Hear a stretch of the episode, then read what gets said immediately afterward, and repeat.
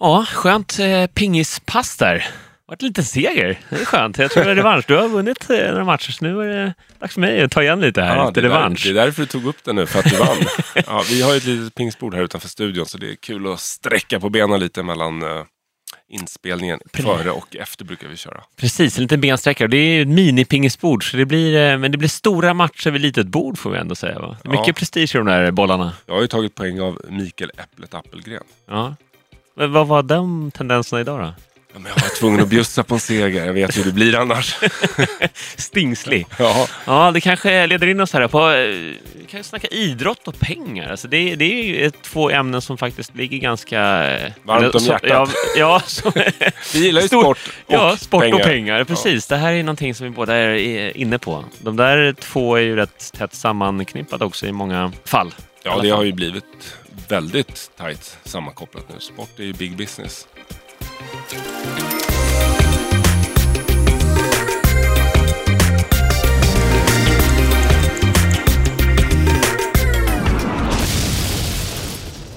traditionellt sett om man tittar på eh, sån sport som barn håller på med i alla fall så är det ju väldigt många som jobbar ideellt som tränare och ledare och materialare och ser till att sina barn får ut och röra på sig och ha en vettig fritid och lära sig lag lagarbete om det är en lagsport och så vidare. och så vidare. Mm. Ja, Och har som jobbar eh, ideellt i klubbar och föreningar också. Men sen finns det de här absoluta toppen i världen som, där pengarna är en extremt stor faktor i deras idrottsliv. Men vi har ju en väldigt bra föreningskultur i Sverige.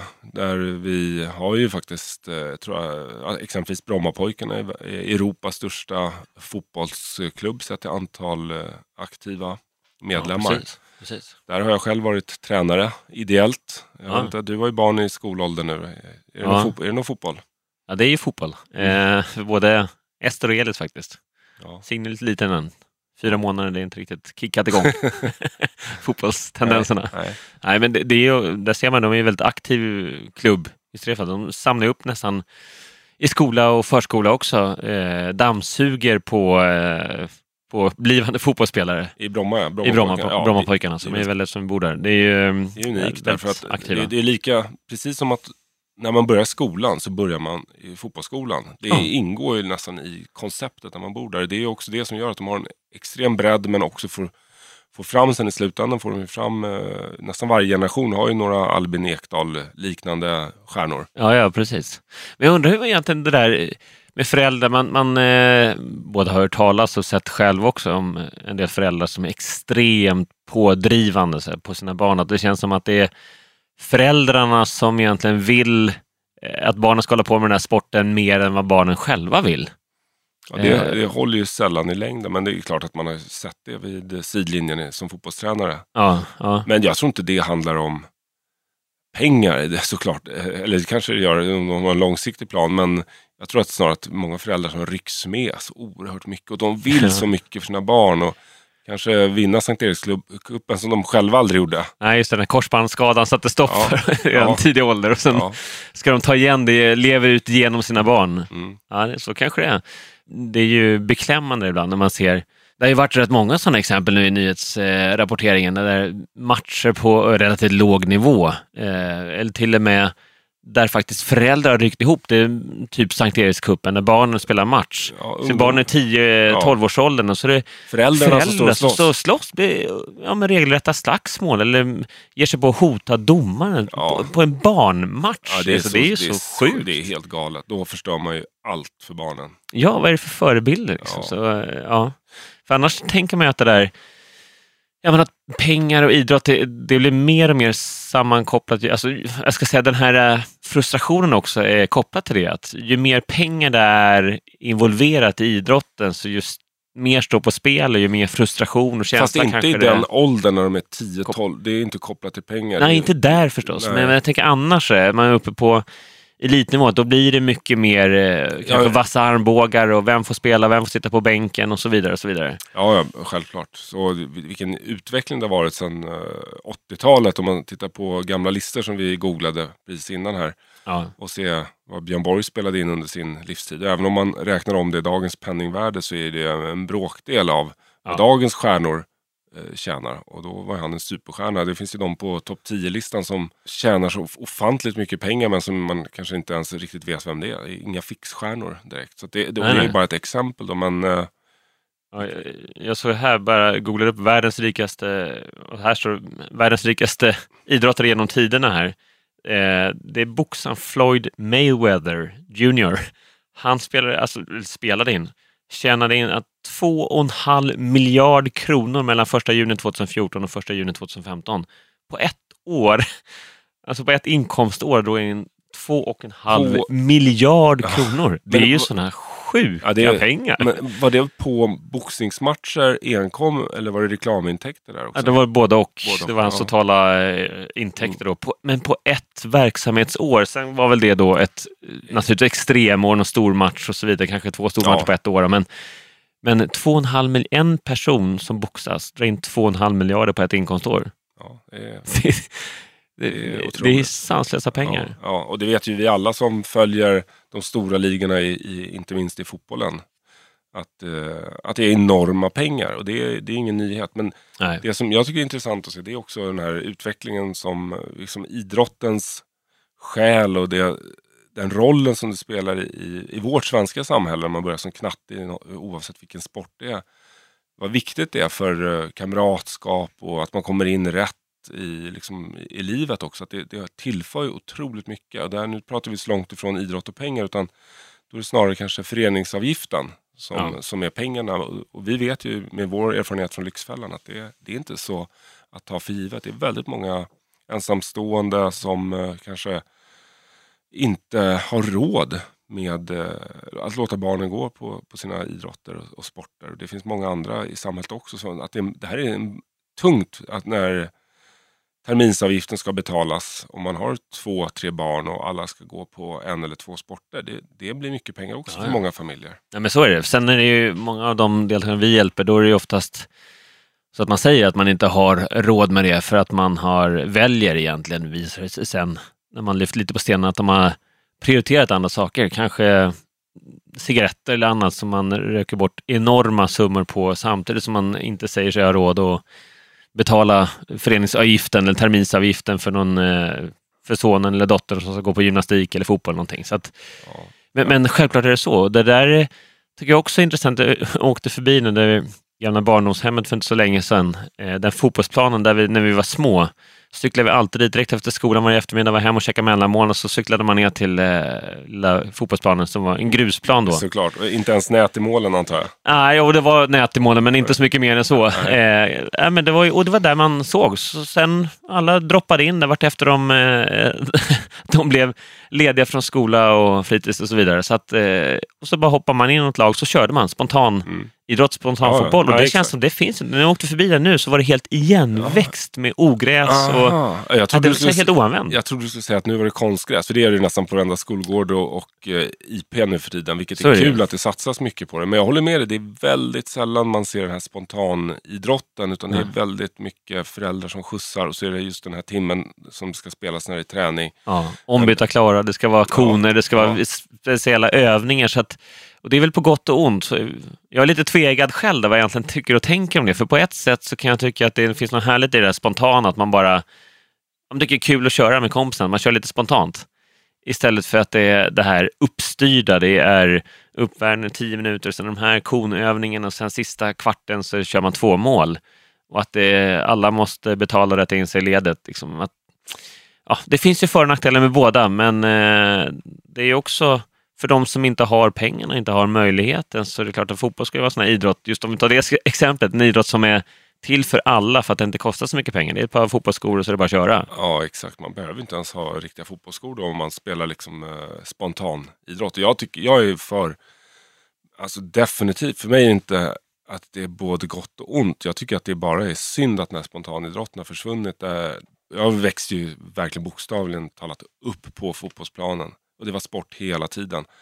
Jag gick ju på fotboll också, så jag, jag tror det där att det ska vara både och. Mm. Då, vill man spela organiserat då kan man gå med i klubben. Men eh, annars är det ju superhärligt när barn och ungdomar träffas vid idrottsplatser och, och leker, spelar, vad man nu vill kalla det. Mm. Istället för att det blir eh, häng på, i centrum liksom. Och, Verkligen. Massa dumheter Det är lättare då. Ja, men sen är det väl ofta så att det är uppbokat. Då kan det vara både pris om det är en ishall på vintern, en simhall eller en fotbollsanläggning. Att ja, de här bra tiderna mellan tre på eftermiddagen och sju på kvällen, då är det då är det, då är det regelrätta träningar, just så det. ingen kommer ihåg. Det finns inget mål ledigt eller Nej. någonstans, någon Nej, rink Ja, ledig tillgänglighet. köra på själv. Friåkning. Ja, just det. Nej, men det är ju sant. Det är väldigt tråkigt om det är så. Men de flesta, jag tycker, har försvunnit det här med att det fanns nästan en, i varenda område så fanns det en liten grusplan. Det var Ja. ju där man träffades. Ja. Där kom ju inte de riktiga lagen. Utan Nej. det här var ju lite Spontan- spontan, spontan där, där, det alltid var ledigt. Liksom. Ja, ja. Och där alla får interagera och välja egna lag, de får göra upp lite egna regler. Så, Ja. ja, men jag hade ju proffsdrömmar, det har vi varit inne på eh, med fotboll. Om vi ska komma tillbaka till ämnet Ja. fotboll och pengar. vad- Jag skulle spela i Liverpool. Det var planen. Ja. Det var planen. Den sprack när jag var 12, 13. Eller när jag var Då hade 12, det- 13 stod jag nog på topp. Eh, Jag höll, höll på med fotboll till 16. Ja. Eh, Men det var någon skada som eh, satte det? För Det var en skada, det var en moppeolycka. Jag krossade foten och var borta ett år. Sen efter det hade jag tappat motivationen till att komma tillbaka. Så min karriär tog egentligen slut tror jag när jag var 14-15. började jag- Då, då hade jag insett att det kommer inte bli Liverpool för mig. Nej, nej. Men bara ett par år innan så trodde jag det på fullt allvar. Och det tycker jag är en härlig känsla det där när, när man får ha drömmarna Ja. innan de släcks, innan man inser att det kanske inte kommer bli så. så Ja. det, det tycker jag är härligt. Du höll på med band, du var målvakt. Ja, målvakt, ja precis. Och det, där, tänk- ju, där finns det ju inga riktiga pengar. Alltså, tänkte, hur tänkte du där? vi körde mycket spontanare både i, så i hockeymål och eh, bandymål. Då pratar vi inte innebandy utan riktig isbandy. och det exakt. smäller ju rätt bra där runt om. Men eh, jag tror inte det är någon som håller på med isbandy och, för pengarna i alla fall. Nej. Det finns ju inga, eh, inga pengar där. Men Blir det- proffs så ja. blir det Sibirien och Ryssland. Ja, liksom. Det lite, eh, ja, så att, men Men idrott ska ju inte handla om pengar, men det gör ju det till slut. Ja. När man blir, om man blir tillräckligt eh, bra så blir det ju ett levebröd. Och du har ju själv suttit i debattprogram, jag kommer ihåg på SVT för några år sedan. ja, just det, När du pratade med- Debatt. SVT, vem var det? det var höjd, som heter Opinion nu. Ja, ja, men det var den här höjdhopparen Linus som... Törnblad, ja, just det. Ja, men det var ju flera eh, idrottare som hade pensionerat sig från sin idrott i alla fall, som var med där. Ja. Och då var det diskussion om det just att, eh, ja men vad, vad händer sen? De tyckte att de blev, eh, inte fick några möjligheter efter det. Det var väldigt svårt för man levt i en idrottsbubbla under hela sin uppväxt egentligen och så plötsligt kommer de ut i verkligheten och ska in på arbetsmarknaden och då... Vad var själva debatten tufft. om då? Opinionsgrej? Eller Jag debatt? kommer faktiskt inte ihåg riktigt vad, vad, Jo, men jag minns ämnet, Jag kommer ihåg... vad ämnet var eller vad, vad debatten utgick ifrån. Men det, det kom in på, jag kommer ihåg diskussionen som blev. För jag, jag, eh, jag, vet, jag blev lite frustrerad. De tyckte ju med att, eh, att det är tufft för oss att komma ut där. Jag förstod inte riktigt den här skillnaden. Även om man varit elitidrottare. Nu pratar du om idrottarna alltså? idrottarna så tyckte jag märklig inställning där att man ska ha någon slags gräddfil för att man har varit elitidrottare. Det låter lite som det eh, som jag förstår att det har varit i, i Ryssland förut. Om man varit stor idrottare i Ryssland så har man liksom sin framtid tryggad på alla sätt och vis. Eh, som jag har förstått det. Men att eh, här är det ju inte så, utan när du kommer ut från en elitidrott, även om du är ett känt namn och har eh, VM och OS-medaljer runt halsen så, så får du ju lösa din eget, ditt eget uppehälle efter. Och det är klart att sponsorer och sånt, sponsoravtal kanske, eh, eller det är klart att de flesta av dem avbryts om man lägger av den aktiva karriären. Och då är man ju en, en arbetssökande som alla andra där ute. Det finns ju undantag, de som inte behöver arbeta en dag till, som har varit hockeyproffs eller fotbollsproffs. Men nu klart. pratar vi om... Nu pratar de som kanske, ja men där Som- de Ja, men ta Linus. Törnblad exempelvis då, som du satt i debatt Ja. med eller mot. Hur man ska säga. Han, eh, Som har tjänat bra under sin karriär, Ja, väl, men inte, inte ekonomiskt oberoende. nej, han är en höjdhoppare som har lyckats men kanske inte hela vägen. Han har ju inte något OS-guld vad jag vet. Nej, nej, precis. Och inte kan liksom leva på sin, varken på Nej. de intjänade pengarna eller leva på den framgångsvågen resten av livet, utan måste göra något aktivt. Ja, Ta ett men det- vanligt jobb. Ja, men det måste man väl ta i beaktning då. Om man väljer eh, höjdhopp som yrke, då vet man ungefär vad man ger sig in i vad det gäller hur, hur länge kan jag hålla på på toppnivå, på elitnivå. Och då kan man tänka, okej, jag går i pension när jag är 30-årsåldern. Mm. Pension från idrotten, men inte pension från arbetslivet. Va? Då måste man ha en plan, att eh, jag måste jobba vidare. Jag kommer ihåg att han tog lite offerrollen och tyckte synd om sig själv och alla andra som hade kämpat så hårt med sin sport. Ja. Och så slutar de idrotta på elitnivå. Och så blir det och så- tyst. Så blir det tyst och så blir de tvungna att gå och söka jobb. Var det inte så att han tyckte att det var orättvist? Exakt så var det och det var väl det som var min ståndpunkt där också. Att jag tycker det, här, det kan ju inte vara någon överraskning om man inte då åker på en, en skada och det måste man också ta höjd för någonstans i- under sin ju. aktiva karriär. Ja. Att vem som helst kan åka på en skada och jag menar, det finns ju flera exempel där det är en tillfällig skada i ett ögonblick som gör att hela karriären är över. Ja, ja. Elitidrottare har ju alltid den där skade... Eh, scenariot finns ju med som en naturlig del i det oavsett vad, om man åker var ut eller inte. stånd, din ståndpunkt? Ja, men min ståndpunkt var ju lite grann där att eh, de är ju, det är ju otroligt målmedvetna personer, målinriktade och väldigt, väldigt fokuserade, disciplinerade. Så det här är ju personer som, som näringslivet eh, bara suktar efter. Det finns alla möjliga eh, olika inriktningar som de kan ta eh, oavsett vad de har för utbildningen i grunden eller parallellt med sin idrottskarriär. Så det är ju väldigt attraktiva individer med deras inställning och, och målfokus och motivation och så vidare. Så att jag menar att de, de har ju verkligen förutsättningar så det är lite onödigt att sätta sig i offerrollen kan jag tycka i det läget. Och dessutom att, eh, precis som du nämnde här nyss, att de vet ju att jag har en aktiv karriär, den kommer troligtvis vara slut där någonstans, 35 kanske. I de flesta idrotter så är det Ja, så där någonstans, sport, ja. ja. beroende på vilken sport. Självklart. Men där någonstans så är det slut och, och ha någon plan för vad händer då? Vad ska jag göra då? Kanske några år innan redan börja förbereda sig för det. Eller kanske utbilda sig parallellt med sin idrottskarriär och så vidare. Så att tänka till på Ja. vad ska hända sen. Så att Ja. inte man, hoppsan, nu har jag slutat och nu upptäcker jag att eh, jag har ju inget jobb. Jag måste ju få in pengar för att kunna Ja. betala mat och, och, och husrum. Ja, ja, precis. Och Det är jag lite förvånad över, måste jag säga. Även om de då har fantastiska karriärer bakom sig så blir jag förvånad över att de eh, tänket tog slut när karriären tog slut. Nej, men det finns många exempel på de som också har tagit, eh, dragit nytta av eller liksom kapitaliserat på sin idrottsliga framgång och ridit vidare på den Ja, framgångsvågen de har efterhand. byggt starka varumärken där de står antagligen för vinnarinstinkt, målmedvetenhet, disciplin, massa bra egenskaper som de har visat att de har och som man ganska enkelt kan översätta till näringslivet. Det finns ju många duktiga idrottsmän och kvinnor nu som har bra affärsverksamheter. Ja, Gunilla ja. Wiberg driver ju hotell bland annat. Och, Idre, Mm. ja. Precis. Ja, Det finns ju många sådana exempel, så det är väl det.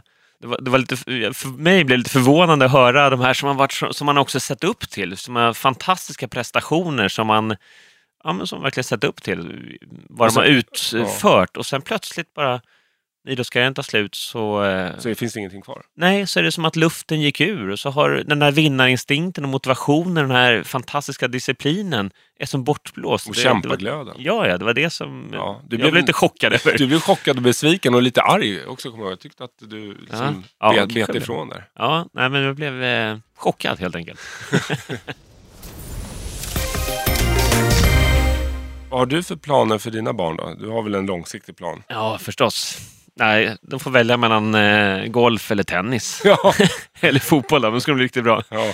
Nej, nej men det, det är väl sådär någonstans att eh, naturligtvis så, så kan man ju va- vara med och styra lite grann på det sättet. Inte säga vad de ska hålla på med självklart. De kommer ju alltid få välja själva det de tycker är roligt.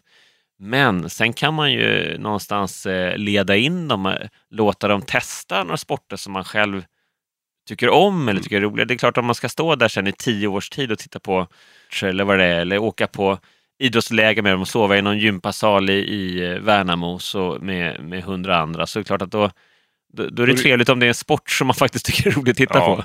ja, precis. Eh, så att man kan ju naturligtvis lägga upp lite alternativ och inspirera lite eller liksom leda in dem på en viss stig. Men sen måste ju de alltid själva få välja i slutändan. Ja, och jag tror man märker också på sina barn. Eh, om de får prova så mycket som möjligt. Det behöver inte vara i en förening utan det kan vara hemma i trädgården eller i parken. Ja. Så ser man ju vad de tycker är kul och så får man väl hjälpa dem att komma in på den rätta stigen på något sätt. Ja, ja, ja. Eh, Bana. så, ja, jag har ju... Ser, Ni har en stall i närheten. Kommer du, är Ja, det ja. det som är planen nu för... Ja, nej, det finns ju ingen sån plan. Men det, det är självklart. Jag tror närhetsprincipen hjälper till. Ser de hästar och tävlingsryttare varje dag så Ja. tänds det väl något naturligt eh, frö där. Liksom. Ja. Men eh, både Jack och John John, den minsta, de, de är superintresserade av bollar. De kan inte gå förbi en boll utan att börja spela. Och det kan vara bandy, det är tennis, det är fotboll. Bara en boll i rörelse så är de ja, glada. Liksom. Ja, ja. Så varje, varje morgon före frukost så är Jack uppe och spelar tennis eller fotboll. Ja, just det. Alltså hemma i, i hallen. Liksom. Men så det någonstans måste ju finnas en inre drivkraft och en motivation. Och liksom att det ska vara kul. Jag tror, det är därför jag tänker att jag eh, bara ser fördelar när det är spontan idrott. För ja. är det sådär att på tisdagar och torsdagar mellan 15 och 16 då ska du gå på bandy, då skjutsar jag dig. Mm. Och sen däremellan, så, om de inte rör en bandyklubba, då finns ju inte något riktigt intresse. Nej. Och då kommer inte det hålla i sig nej, nej, över exakt, tid. Nej. nej. Så det blir ett kort inspel. Liksom. Så min eh, plan då, det är givetvis då, det blir tennis för Jack ja. och Josefin och John John. Alla går, jag tänker systrarna Williams gick ju hela vägen. Ja, just det. Ja, så varför ja. inte? Här är en trio som kan spara varandra. Så det här är din förtidspension ja, när, när de eh, har slagit igenom som eh, ja. 17-åringar i tennisvärlden? Just det, och då, och då, är jag tillräckligt gammal för att känna att kanske vi har fasat ut oss själva från Lyxfällan och ja. då kan jag följa med på alla turneringar runt om i världen och vara den här coachen som jag också är utbildad till att vara. Och pusha dem, mental rådgivare, pappas stöd. Så att jag reser runt, de spelar och så räknar jag pengarna. Det här är din plan. och, vad händer då när de eh, Fan, slu slutar måste... med tennis här, Vänta, när de är 11 då? Ja, exakt. Vad händer då? då? Hur, hanterar du det? Ja, då, då, blir jag helt knäckt. Övertalar dem, mutar dem till och med. Så ah. Nej, skämt åsido. Jag tror vi måste säga att, jag, att vi skämtar. Eller att jag skämtar, annars kanske ni tror att jag inte är klok. Nej, det är precis tvärtom. Det där ska göras med glimten i ögat, med massa glädje. Men däremot tror jag på det här med att uppmuntra, uppmuntra, uppmuntra och se att de har möjlighet att göra det. Och jag tror också att idrott har blivit en klassfråga nästan. Det är väldigt många som, mm. som, som, fastnar framför tv-apparaterna eller datorspelen. Och mm. mycket beror kanske på att föräldrarna inte är, ger dem möjligheten heller. Det, det, är ganska bekvämt att när barnen är stilla och lugna man vet var man har dem. Mm. Och det tar tid, förutom att det kostar lite pengar i avgifter och, och utrustning hela tiden så tar det ju tid. Det ska skjutsas och hämtas och det ska anmälas. Och, ja, ja. På det, det kräver det engagemang och ja, pengar från ja, föräldrarna. Och det är inte alla som har det Nej. hemifrån. Det som blir grymma på eh, Fifa, fotboll och dataspel istället, istället ja, för att bli ja. grymma på fotbollsplanen. Den kan... riktiga fotbollsplanen. Men nu finns det ju för e-sport som, som är framtiden. Ja. Så det kanske finns många som sitter i soffan och blir världsstjärnor i e-sport istället. Ja. Men, men det, det, det, är viktigt, för det är viktigt på flera, eh, flera sätt. Också. Dels är det viktigt rent fysiskt att folk, alltså folk, både stora och små, folk får röra på ja. sig ja, för det, med idrotten. Bra sagt, för där är ju också kopplat till pengar på ett annat sätt. Jag tror Exakt. ju mer idrott i skolan och ju mer vi rör på oss så kommer ju också samhällskostnaden för sjukvård och sjukersättning gå ner. För vi kommer bli mer hälsosamma. Så är det i allra högsta grad. Det, det finns ju, där är de stora pengarna. Ja. Rent, eh, och friskvårdsbidrag från företag eller arbetsgivare som eh, inspirerar sina eh, anställda att faktiskt börja röra på sig. Men jag kommer ihåg när jag jobbade på Sats för många år sedan så eh, det var ju något vi jobbade med där, att få företagen att förstå att den investeringen man gör i friskvårdsbidrag, alltså helt enkelt eh, hjälpa de anställda att eh, röra på sig. Mm, att det kommer ge tillbaks i sponsra. lägre ja. sjukskrivningar, friskare personal, mer motiverade, kanske piggare. Som Precis, piggare, bättre mående, färre sjukdagar och blir en eh, gladare medarbetare som faktiskt blir effektivare också och ja. mår bättre. Som, som får goda ringar på vattnet i, ja. i organisationen. Men eh, dilemmat där såg man ju var att de som, oftast var det så att de som redan tränar, eh, de tränar ännu mer då, eller blir mer inspirerade. Men de här som har de stora ekonomiska vinsterna som arbetsgivare att få igång, de som är totalt inaktiva, att få dem att gå och röra på sig en gång i veckan skulle ge enorma vinster, så att säga, både på alla fronter. Ja. Men det är de också som är svårast att motivera och få igång. Mm. Så du körde samlingar på arbetsgivare för att det är inspirationsmöten för att börja träna kommer igång. Så oftast de redan, eh, de redan sålda så att säga, ja. som som kommer på sådana. Ja. Och de som verkligen borde röra på sig, de eh, kommer inte dit. Nej. Så det är ju det är en utmaning. Ja. Förstås. Och, eh, men det finns ju väldiga ekonomiska vinster att göra där. Jag tycker man ser många företag nu också, organisationer som, som satsar mycket eh, på sina anställda för att få igång dem. Ja, verkligen. Faktiskt på tal om Sats så såg jag häromdagen att de slog ytterligare rekord här i vinst och omsättning. Så det är den här Stämmer. träningsvågen upphör ju aldrig att växa. Det är, Nej. det, är, det är en folkrörelse, vilket är verkligen. väldigt positivt. Men ökade, ökade 9 procent i Mm. omsättning. Ja, Ja, och vinsten ökade också. Ja. Ja. men det, det, och det poppar ju fler sådana kedjor. Det är en, det är en positiv härlig trend. mm, Den, här hälso, eh, ja, men den hälsotrenden. verkligen.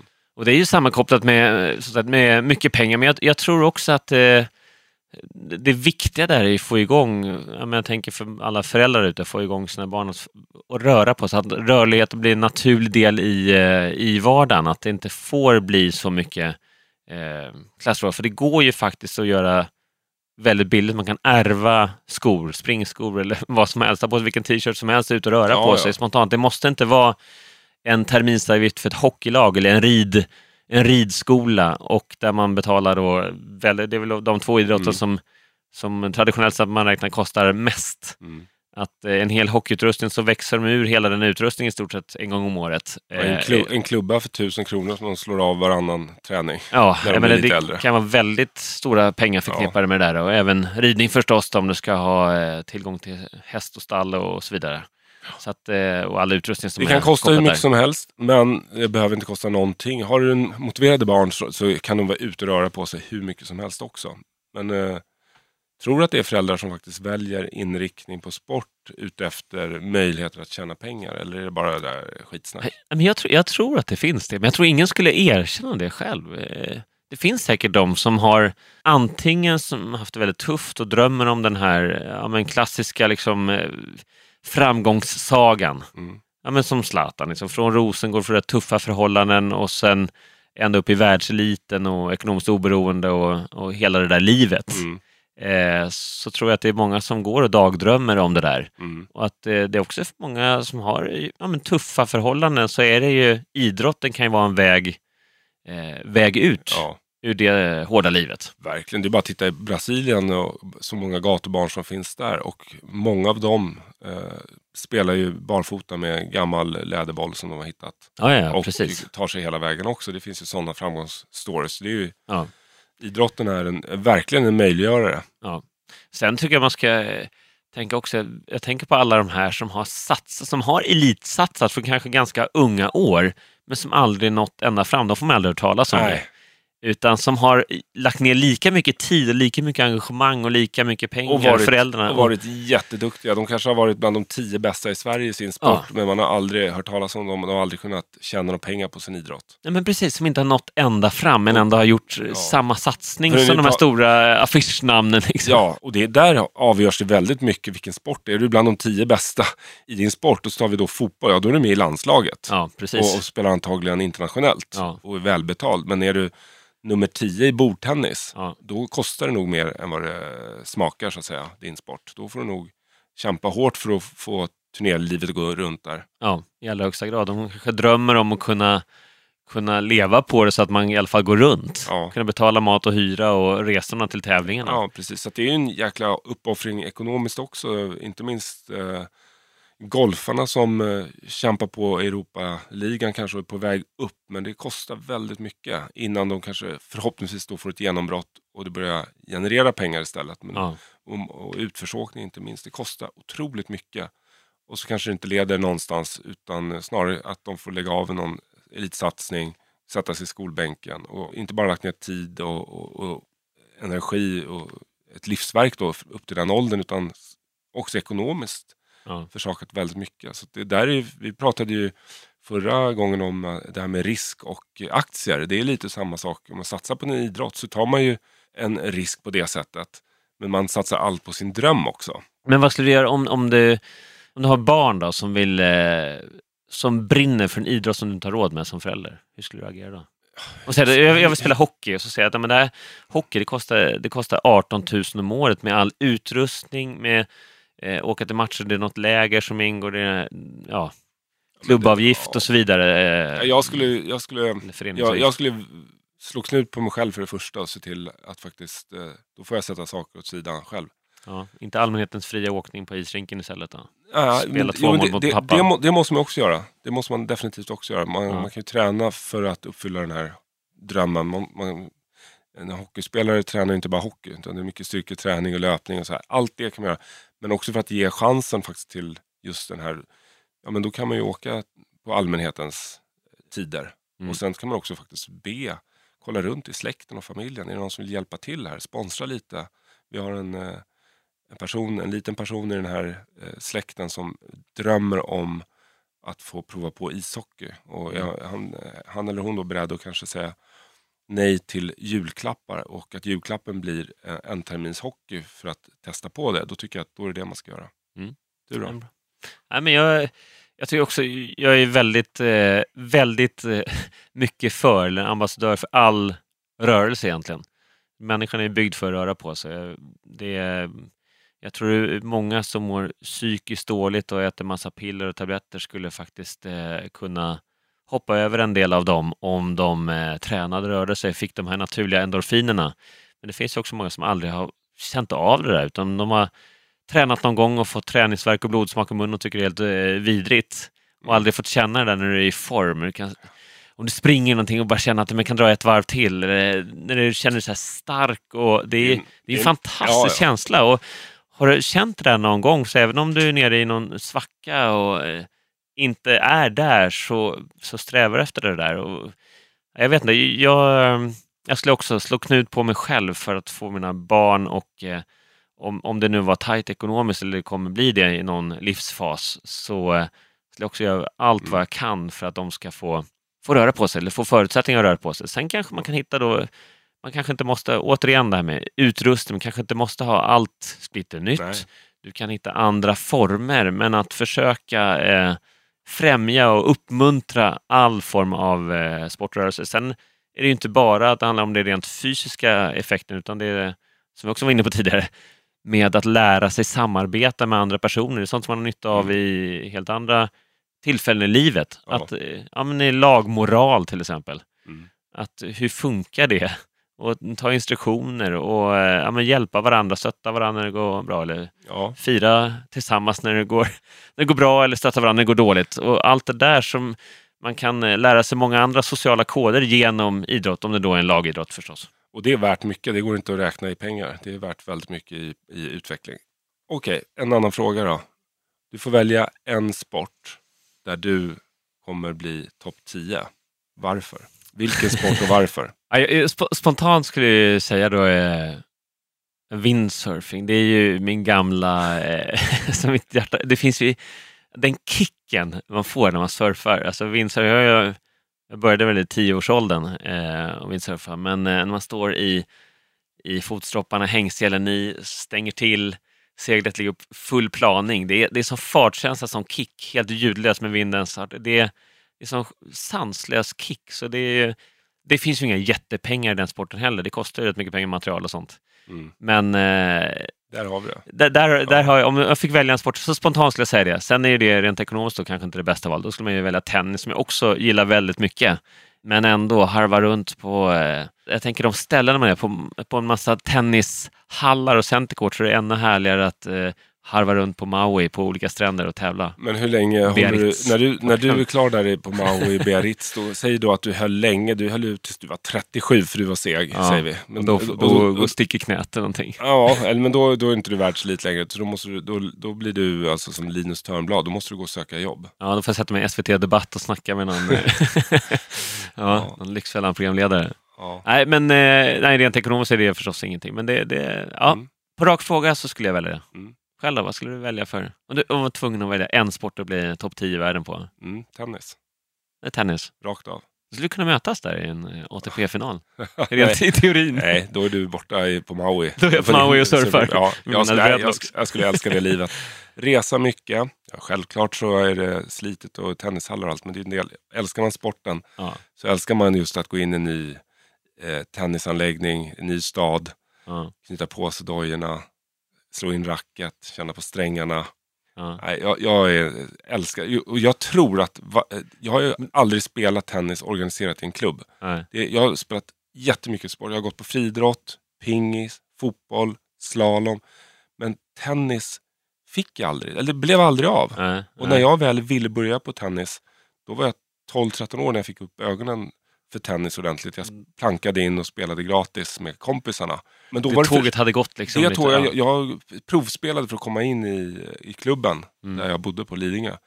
Men eh, då var det ju, de andra hade ju kanske spelat sedan de var sju eller Mm. fem eller nio. Jag började som 13-åring. Så Mm.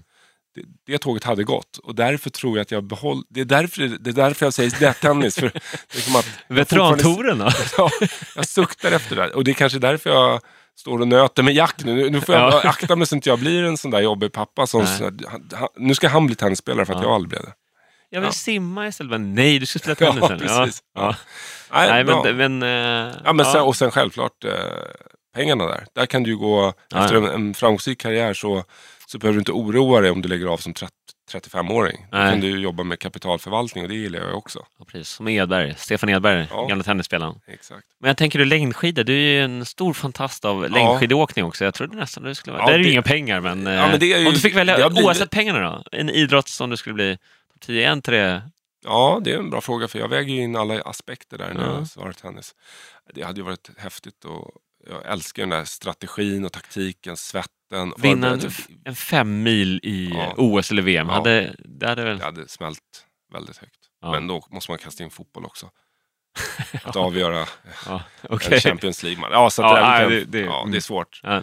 Men idrott och pengar hör definitivt ihop vare sig man vill eller inte. Och dessutom så gör det det även på en eh, samhällsnivå där ju mer barnen rör på sig, ju mer jump man har i skolan, ju friskare blir vi. Vilket drar ner kostnaderna för samhället där, för vård och sjukdomar också. Och eh, när dina barn vill eh, hålla på med någon sport så, eh, så är vårt stalltips egentligen, mitt i alla fall, att uppmuntra dem till det och försök hitta lösningar. Att det behöver inte kosta eh, skjortan utan det finns oftast alternativa lösningar om man är lite kreativ även där då. Ja. Och väljer du rätt sport så kan det faktiskt eh, löna sig i längden.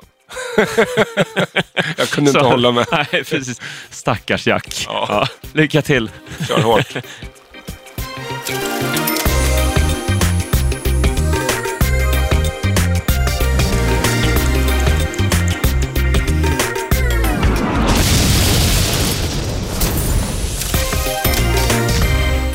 produceras av I Like Radio.